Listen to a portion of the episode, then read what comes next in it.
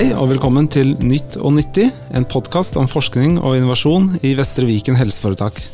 Jeg heter Peter Selmer Rønningen og er stipendial på Bærum sykehus. Og I dag skal jeg snakke med Marius Myrstad. Eh, Marius er overlege på Bærum sykehus på medisinsk avdeling på seksjon for geriatri, slag og rehabilitering. Han tok doktorgraden sin på utholdenhetstrening og atrieflimmer eh, på disse eh, deltakerne i Birkebeinerrennet. Og det forsker han fortsatt på. Men i dag skal vi snakke om et annet uh, spennende prosjekt som uh, Marius startet i begynnelsen av pandemien, og det var nemlig Kobra-studien. Der var jeg selv så heldig at jeg fikk uh, etter hvert være med, og vi fikk nylig publisert en artikkel som vi skal snakke litt om i dag. Så velkommen til podkasten, Marius. Tusen takk. Kan du fortelle litt om Kobra-studien? Ja, Kobra-studien det er en eh, kvalitetsstudie som eh, ble starta for eh, ganske nøyaktig tre år siden, da, i mars 2020. Og eh, utgangspunktet i mars 2020 det var at vi sto foran noe som vi ikke helt visste hva var for noe. Covid-viruset var påvist i Norge, og det var påvist smitte mellom mennesker i Norge. Og samtidig så hørte vi ganske skremmende historier og fikk ganske skremmende tall, særlig fra Nord-Italia. Hvor det var veldig mange pasienter som eh, ble lagt inn på sykehus. Og hvor helsepersonell ble smitta og til og med døde. Og vi var i en situasjon hvor jeg tror alle forberedte seg som best de kunne, og tenkte hva kan jeg bidra med. Mm. Og i eh, den situasjonen, særlig med en, en, eh, frykt eller forventning kanskje om at vi kom til å få veldig mange pasienter, så tenkte jeg det at her blir det viktig å holde god oversikt over hva vi gjør. Det var et, en eh, helt ny tilstand for oss egentlig, som vi ikke visste helt hvordan kom til å arte seg. Og jeg så et behov for å kartlegge både symptomer og sykdomsforløp, og hva slags behandling pasientene eh, fikk. Og derfor så etablerte jeg da den her eh, kvalitetsstudien som etter hvert fikk navnet Kobra. Og hvor vi da eh, klarte å være såpass raske at vi Eh, helt fra starten av kunne inkludere absolutt alle pasienter som ble lagt inn på Bærum sykehus da, med påvist covid-19. Veldig flott. Det, det, var imponerende arbeid å få til det i, på den tiden. Men uh, fortell litt om de første publikasjonene fra, fra Kobra-studien. Ja, det det som var det mest spesielle, det var jo at vi klarte å være ganske raske med å, å, samle data her på Bærum sykehus. Og den viktigste grunnen til det, det var jo at uh, mange av de uh, første covid-pasientene i Norge kom nettopp fra vårt uh, sykehusområde, og at vi var et av noen få sykehus i Norge som fikk innlagt Eh, ganske mange pasienter på kort tid, helt i starten av pandemien, altså i mars 2020. Og eh, allerede i løpet av eh, to-tre uker så hadde vi hatt eh, over 40 nye pasienter inn. Og vi oppsummerte ganske raskt eh, det vi hadde sett hos de pasientene, og skrev en artikkel som ble publisert i tidsskriftet for Den norske legeforeninga allerede 10. april 2020. Da. Så det var akkurat fire uker etter at uh, første pasient ble uh, innlagt. Mm.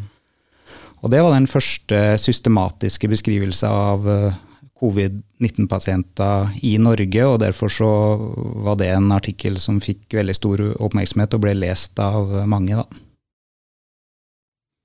Det er utrolig hvor fort ting gikk, da. Altså det, du som forsker er kanskje ikke det vanlige at det, at det går så fort uh, Nei, i den prosessen? Tvert, tvert imot. Sant? En sånn uh, forskningsartikkel tar gjerne månedsvis å, å, publisere vanligvis. Så det her var noe helt nytt uh, og, og, veldig spesielt. Og det er flere grunner til at det kunne gå så fort. En av grunnene var at vi på Bærum sykehus hadde et godt, et, en, et godt etablert forskningsmiljø fra før en forskningsavdeling med eh, stipendiater og fast ansatte og, og, forskere som hadde ulik type kompetanse som vi kunne bruke. Noen kunne være med å etablere en database, andre visste eh, hvordan man skulle gå frem for å få nødvendige godkjenninger osv. Så, videre. så det ble et slags eh, dugnadsarbeid. Og jeg tror også det var en fordel at vi er et relativt uh, lite sykehus sammenligna med en del uh, andre. Så det gikk fort, og, og det jo, var jo veldig tilfredsstillende å se at det faktisk mm. går an også i, i, forskning, å jobbe raskt. Og, og, en sånn følelse av å på en måte forske i sanntid, da, som føltes veldig verdifullt der og da, i hvert fall. Mm. Fint. Eh, altså, det var flere publikasjoner der i starten. Eh, den, eh, det kom jo også en i et internasjonalt tidsskrift. Ja, en av de tingene vi var veldig interessert i i starten, det var eh, hvordan vi kunne identifisere pasienter som eh, hadde særlig risiko for å få et eh, alvorlig sykdomsforløp. Vi så veldig tidlig at en del pasienter ble veldig alvorlig syke, hadde behov for uh, intensivbehandling, og vi så også at det var en uh, høy dødelighet. Dødeligheten av uh, covid-19 blant de som var innlagt på sykehus under den første bølgen, den var høyere enn den er ved nesten noen andre tilstander vi behandler på medisinsk avdeling til vanlig. Så under, de, uh, under, den aller første fasen så, så døde mellom én av fire og én av fem av alle pasientene som ble lagt inn på sykehuset med covid-19. Og når det blir lagt inn mange pasienter på en gang, når kanskje intensivkapasiteten blir utfordra f.eks., så er det nyttig å ha en systematisk tilnærming til eh, hvordan man skal prioritere, hvis man må det. Og også hvordan man så raskt som mulig eh, kan identifisere de som trenger et høyt behandlingsnivå. Og På Bærum sykehus så brukte vi heldigvis allerede et skåringsverktøy som het News2 som eh, gir en score basert på helt vanlige vitale målinger, som puls og blodtrykk og respirasjonsfrekvens og kroppstemperatur. Eh, og I tillegg så brukte vi, sånn som mange andre gjør, andre skåringsverktøy, som f.eks. Q-SOFA og SIRS-kriterier, som veldig mange som jobber på sykehuset er kjent med. Og Eh, I den eh, forskningsartikkelen som ble publisert på forsommeren i, i 2020, så var hovedfunnet at uh, News 2 var veldig godt egnet til å identifisere pasienter som ble alvorlig syke, mens alle de andre skåringsverktøyene som vi undersøkte, og som var mye i bruk, var mye dårligere egnet til det formålet. Så det var et uh, viktig funn som, um, som uh, ble publisert i en artikkel som også ble veldig mye lest uh, i tida etterpå. Ja, og, og, så Det bringer oss videre da, til den nylig publiserte artikkelen, som også handlet om News 2, ikke sant? men denne gangen kanskje med svakhetene til News. Ja, det Nå er det jo sånn at jeg er geriater og særlig opptatt av uh, akutt syke eldre pasienter. Og en av grunnene til at jeg syns at det er spennende, det er at de skiller seg fra andre pasienter på en del uh, måter. De, de, er ofte vanskeligere å vurdere og vanskeligere å behandle. Og det vi var interessert i nå, det var jo å uh, undersøke hvorvidt News 2 fungerte like godt til dette formålet, også hos gamle og skrøpelige.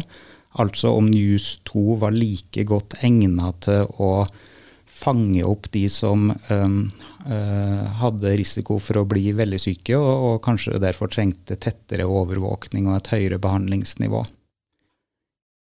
En viktig grunn til at uh, vi var opptatt av det, det er at vi vet at at uh, eldre, når de blir akutt syke, oftere har uh, uvanlige symptomer sammenligna med det yngre har. Og Derfor var, var, det også naturlig å tenke at, uh, at News 2 kanskje ikke var like, like presist i å fange opp de som hadde risiko for å bli veldig syke i den gruppa her. Mm. Ja, og hva ble, hva ble resultatene? Nei, ikke helt uh, uventa. Så fant vi at uh, News 2 var ganske mye dårligere egna til formålet hos eldre og skrøpelige.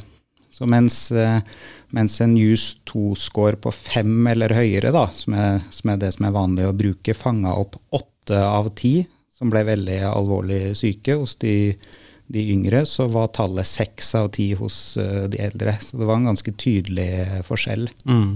De eldre med skrøpelighet Stemmer. Hva, eldre med skrøpelighet. Og hva er, hva er skrøpelighet? Ja, Det er et uh, sammensatt spørsmål, og begrepet skrøpelighet det er ikke så veldig godt uh, definert. Men man ser gjerne på det som et uh, syndrom, eller en sammensatt tilstand, som består av ulike faktorer, og som ofte også har sammensatte årsaker. Og Eh, sentrale eh, faktorer i skrøpelighetsbegrepet, det er funksjonssvikt, både kognitiv og fysisk funksjonssvikt. Um, og pasienter med skrøpelighet er gjerne også dårlig ernært, har typisk lav kroppsvekt. Og er gjerne prega av komorbiditet, altså at de har flere kroniske tilstander, og ofte er behandla også med mange legemidler. Så skrøpelighet er på en måte en uh, sekkebetegnelse som rommer ganske mye. Mm. Samtidig så finnes det ganske enkle verktøy for å klassifisere ulike grader av skrøpelighet, som uh, kan være nyttig både i forskning og også i klinisk arbeid. Så disse med skrøpelighet, de, jo, de, de må jo ha høyere sjanse for å få alvorlig sykdom men eh, hvorfor, eh, hvorfor klarte ikke News 2 å, å, identifisere dem i samme grad som, som hos de uten skrøpelighet? Ja, det, det, er litt ulike grunner til det. og Én har vi allerede vært litt inne på, det her med at eldre ofte får uh, atypiske symptomer. Da. Og eh, de fleste som har jobba på sykehuset en stund, har vært borti begrepet funksjonssvikt, akutt funksjonssvikt som veldig ofte står på tavla i uh, akuttmottaket.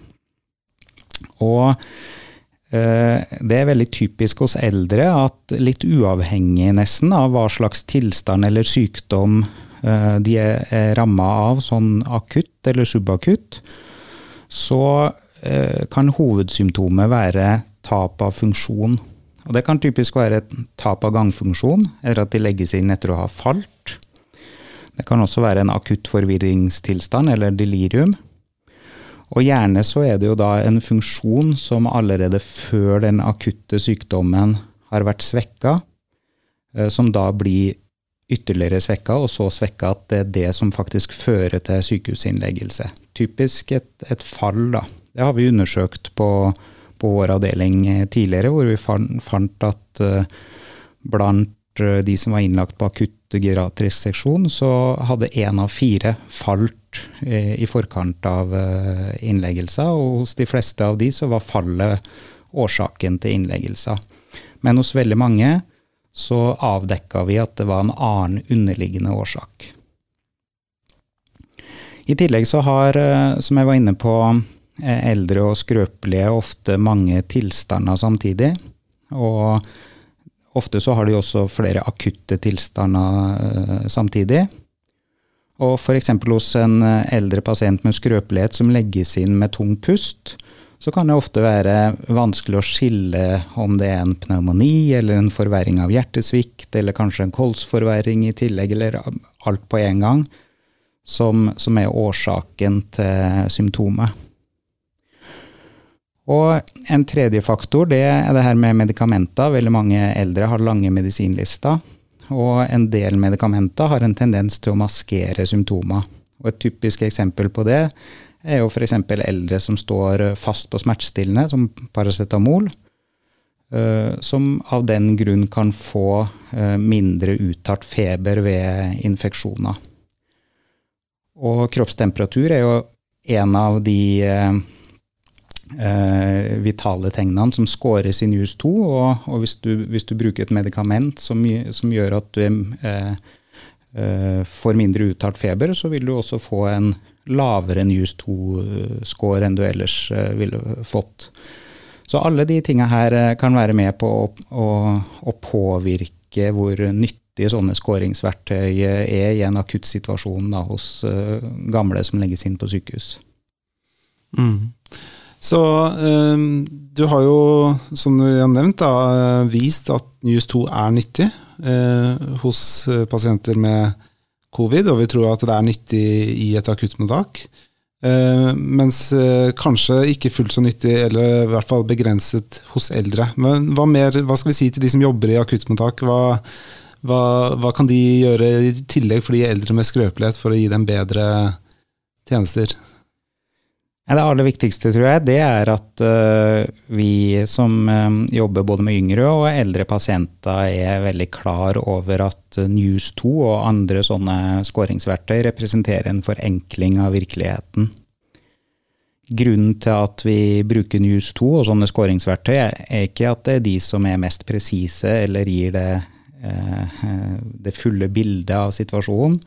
Vi bruker de fordi de er enkle å bruke, og, og fordi vi har behov for å, å, samle inn informasjon på en systematisk uh, måte. Men vi skal være veldig klar over at, uh, at det ikke gir det fulle, hele bildet, og at man ikke må glemme å bruke godt klinisk skjønn, og også uh, vurdere andre ting som ikke omfattes uh, av de variablene som scores i, i scoringsverktøyet. Og akkurat det siste her, det er da ekstra viktig i uh, den pasientgruppa her, av eldre, og særlig de med, med skrøpelighet. Der Eh, må man være ekstra på vakt. Eh, både med tanke på atypiske symptomer, og også med tanke på at eh, alvorlighetsgraden av sykdom kan være vanskeligere å vurdere enn hos yngre. Når det gjelder NUS2, så er det jo en av parametrene som, som inkluderer Eh, noe som passer for denne gruppa, og det er jo akutt eh, forvirring. Er det noe vi må tenke ekstra på hos disse, eller? Absolutt, det er et kjempegodt spørsmål. Eh, de fleste variablene som inngår i News 2 er jo veldig lett å score, egentlig, og basert på ganske sånn objektive målinger, som, som det å måle puls og blodtrykk og respirasjonsfrekvens. Men så gis det også poeng da for eh, det punktet som kalles akutt konfusjon i, i skåringsverktøyet News 2. Og en spesiell utfordring blant eldre med skrøpelighet det er at um, for det første at mange har en kronisk kognitiv svikt eller demenssykdom fra før. Og for det andre så vet vi det at blant akutt syke eldre, så er det en særlig høy forekomst av delirium, eller en akutt uh, påvirkning av uh, kognitiv funksjon, oppmerksomhet og bevissthet. Og særlig hos eldre som fra før har kognitiv svikt, så er det her med konfusjon og endring av kognitiv funksjon ofte vanskeligere å vurdere, og vil også være vanskeligere å score i en sånn type verktøy som, som News 2. Så her må man, må man være eh, ekstra årvåken. Og det er også viktig at uh, alle som jobber på sykehus, som har med eldre pasienter å gjøre, er veldig klar over hva delirium er for noe, og også hvordan man skal kjenne det igjen og også når det gjelder delirium, så kan det i mange sammenhenger være nyttig å, å benytte seg av eh, skåringsverktøy. Og det screeningverktøyet vi anbefaler hos alle eldre akutt syke pasienter i Vestre Viken, det heter 4AT. Et enkelt screeningsverktøy som eh, tar under to og et halvt minutt å bruke. Og, gir, og, hvor man gir poeng både for våkenhetsgrad og oppmerksomhetsforstyrrelse, og hvorvidt det foreligger en endring i pasienten sin eh, mentale tilstand. Så Uh, igjen, akkurat i den pasientgruppa her, så må man kanskje gjøre litt mer enn bare å bruke de enkleste skåringsverktøyene. Tenke litt uh, bredere, og være oppmerksom da på at uh, pasientene kan ha andre tilstander og, og problemer med, med f.eks. kognitiv funksjon som vil påvirke diagnostikken i en sånn akutt situasjon. Og delirium det er jo noe du også er interessert i å forske på, er det ikke det? Jo, vi, er, vi på Bærum sykehus vi er med i flere spennende prosjekter om eh, delirium, faktisk. Det er en veldig vanlig tilstand. Blant covid-pasientene f.eks.